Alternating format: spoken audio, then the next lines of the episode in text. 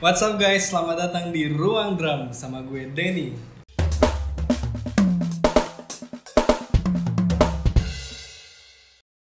Kita sudah kedatangan tamu yaitu Doni Cepumani. Oke, halo Mas. Halo, halo. Apa kabar Mas? Alhamdulillah sehat. Uh, Oke, uh, by the way nih uh, selamat untuk peluncuran single pertama Oh ini. iya iya iya. Oke, yang berjudul Terima kasih, terima kasih. Doa yang terjawab ya. Ya. Oke Mas, boleh diceritain nggak sedikit uh, tentang lagu itu Mas? Oh oke. Eh, jadi Cukup Manik itu sebenarnya sadar nggak sadar bikin lagu. Hmm. eh, kita ngomongin album itu pasti ada benang merahnya dan pasti ada jalan ceritanya. Hmm. Dan kita kemarin ibarat perjalanan dari mereka dari kita kita Hmm. itu masih bujangan terus nikah dan akhirnya punya anak dan doa yang terjawab ini adalah ibaratnya menceritakan cara kita berterima kasih kepada yang maha kuasa Hmm. karena kita punya anak nih sekarang Iya. nih otomatis kita akan jauh lebih berbeda dari sebelum sebelumnya Oh. jadi ini ibaratnya rasa terima kasih kita aja gitu Termasuk ketika lo berada di band Cupu Manik, apakah itu sebuah doa yang terjawab? Enggak, enggak ada yang pernah tahu kan Nggak ada yang pernah ada yang pernah tahu dulu Cukup Manik bakal jadi seperti apa terus gua Hmm. bakal gimana sebesar apa Nah, gitu iya, sekarang. enggak, enggak ada yang pernah tahu kita cuma main main main dan udah Uh, cerita awalnya gimana sih mas nih buat teman-teman yang belum tahu ketika lo awal masuk uh, ke band Cupu Manik ini? Eh, eh, awal pertengahan sih pertengahan tahun 2000 kan band sebelum gue yang Gallery itu bubar Hmm. terus pas lagi gue menjalani eh, apa namanya balik menjalani rutinitas kuliah gue lagi ada orang yang nawarin gue tuh band kakak gue mau bikin demo di Jakarta kan kebenaran anak-anak masih kuliah di Bandung masih aktif di Bandung. Hmm. jadi mereka nawarin bikin demo oh ya dah mana materinya? Dan itu satu hari sebelum rekaman baru dikasih materinya otomatis nggak kekejar dan akhirnya tembak di tempat. Kebenaran waktu itu rekaman ini di daerah sekitaran Condet selesai lima lagu dua lagu itu masuk di album pertama cuman waktu itu kan itu 2000 ya. Eh, langsung diajakin masuk. Dari ngomongin style di galeri yang ibaratnya lebih full color ya kita mainin banyak. Ada musik ada shuffle-nya ada mungkin ada sedikit atmosfer jazz terus tapi nggak ngejazz banget gitu. Terus rock terus ada mungkin orang-orang lebih tahu galeri itu as a band eh, ska band kan gitu. Nah begitu di Cukup Manik itu back to 90s banget jadi Hmm. kita ba- balik ke era-era awal muasal eh, hipnya yang namanya musik grunge gitu. Hmm. otomatis attitude bermainnya berbeda dan otomatis gue balik lagi kebenaran gue hidup di era itu jadi nggak banyak nggak banyak problem sih nggak ada banyak, banyak masalah gitu. Berarti buat Mas Doni ini bukan sesuatu yang baru ya di grunge. baru sih sebenarnya karena kalau grunge itu kan seperti punk ya Uh, dia banyak pengulangannya itu itu aja gitu dan grunge itu apa sih kan orang banyak eh, term apa eh bilang grunge itu tuh bentuk rebel kalau ngomong rebel punk juga rebel cuman Hmm. kalau di grunge itu dia ada hardcore-nya ada punknya ada bluesnya gitu. dan sifat liriknya itu lebih ke apa ya sama seperti kebanyakan musik-musik yang lain dia sifatnya apa namanya pemberontakan ngomongin politik Hmm. seperti itu sama seperti itu terus basicnya uh, sebelumnya pasti uh, lu sebagai drummer udah pasti udah udah ngulik gitu berbagai lagu kan termasuk grunge itu sendiri atau jujur baru di gitu?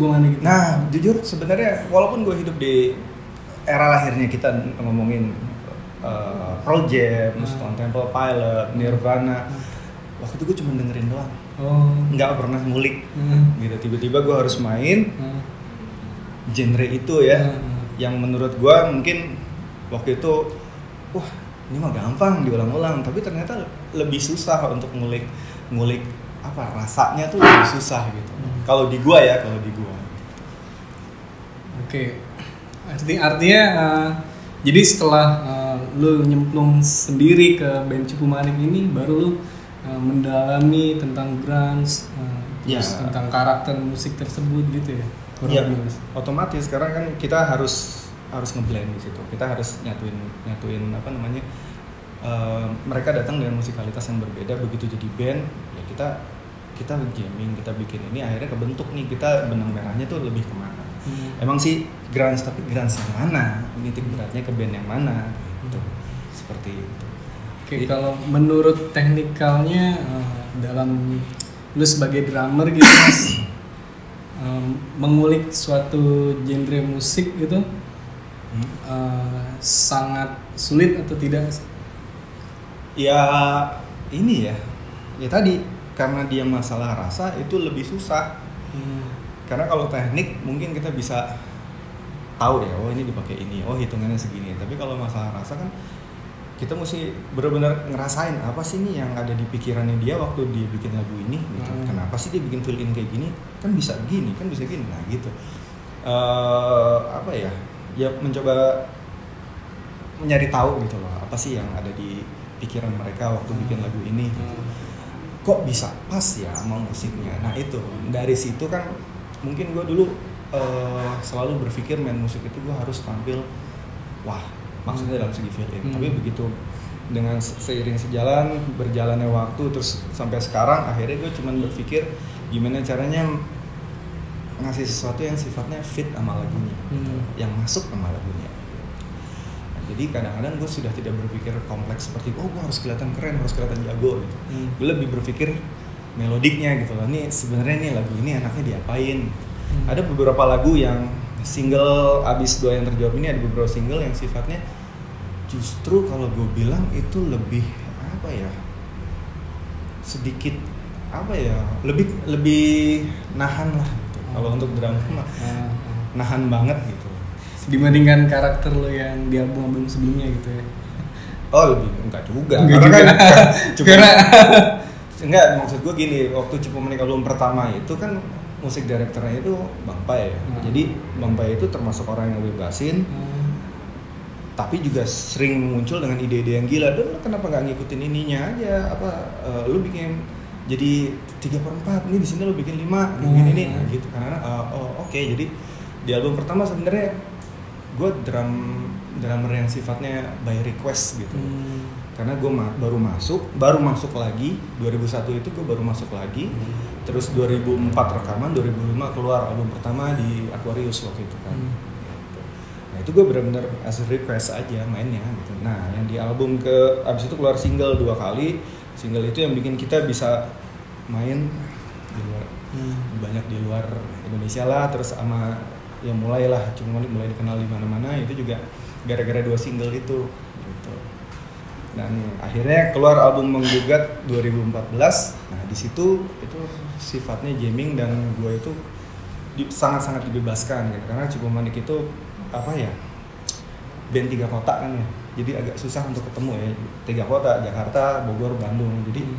susah untuk ketemu kita ngomongin lagu tuh susah gitu jadi akhirnya eh gue ada ide kayak gini gimana kirim kirim kirim kirim Hmm. ketemu mungkin yang Bogor bisa merapat ya akhirnya ketemu cuma bertiga karena Hmm. Eski sibuk jadi penyiar kan di Bandung Ah.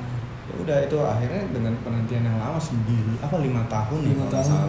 Hmm. kalau nggak salah itu nah dari album itu ke sekarang 9 tahun udah dari album menggugat ke sekarang itu 9 tahun ya karena kita masing-masing punya kesibukan Hmm. si C juga punya uh, project band yang lain gitu. Ah. Eski juga punya project yang lain Iyak juga ya entrepreneur lah gitu ya agak susah gitu ngebangun ngebangun apa namanya gimana caranya kita harus berlatih harus berkumpul tuh susah gitu kayak bener-bener tembak di tempat semua. Ya walaupun jauh tapi chemistry tetap menyatu gitu ya. Nah, alhamdulillahnya itu alhamdulillahnya itu. Mungkin karena lama kita jalan dan kita sebenarnya udah kenal jauh lebih lama sebelum gue masuk di Cipumanik itu udah kenal lama. Ah. pas ketemu pun oh orangnya ini emang gue kenal gitu. Seperti itu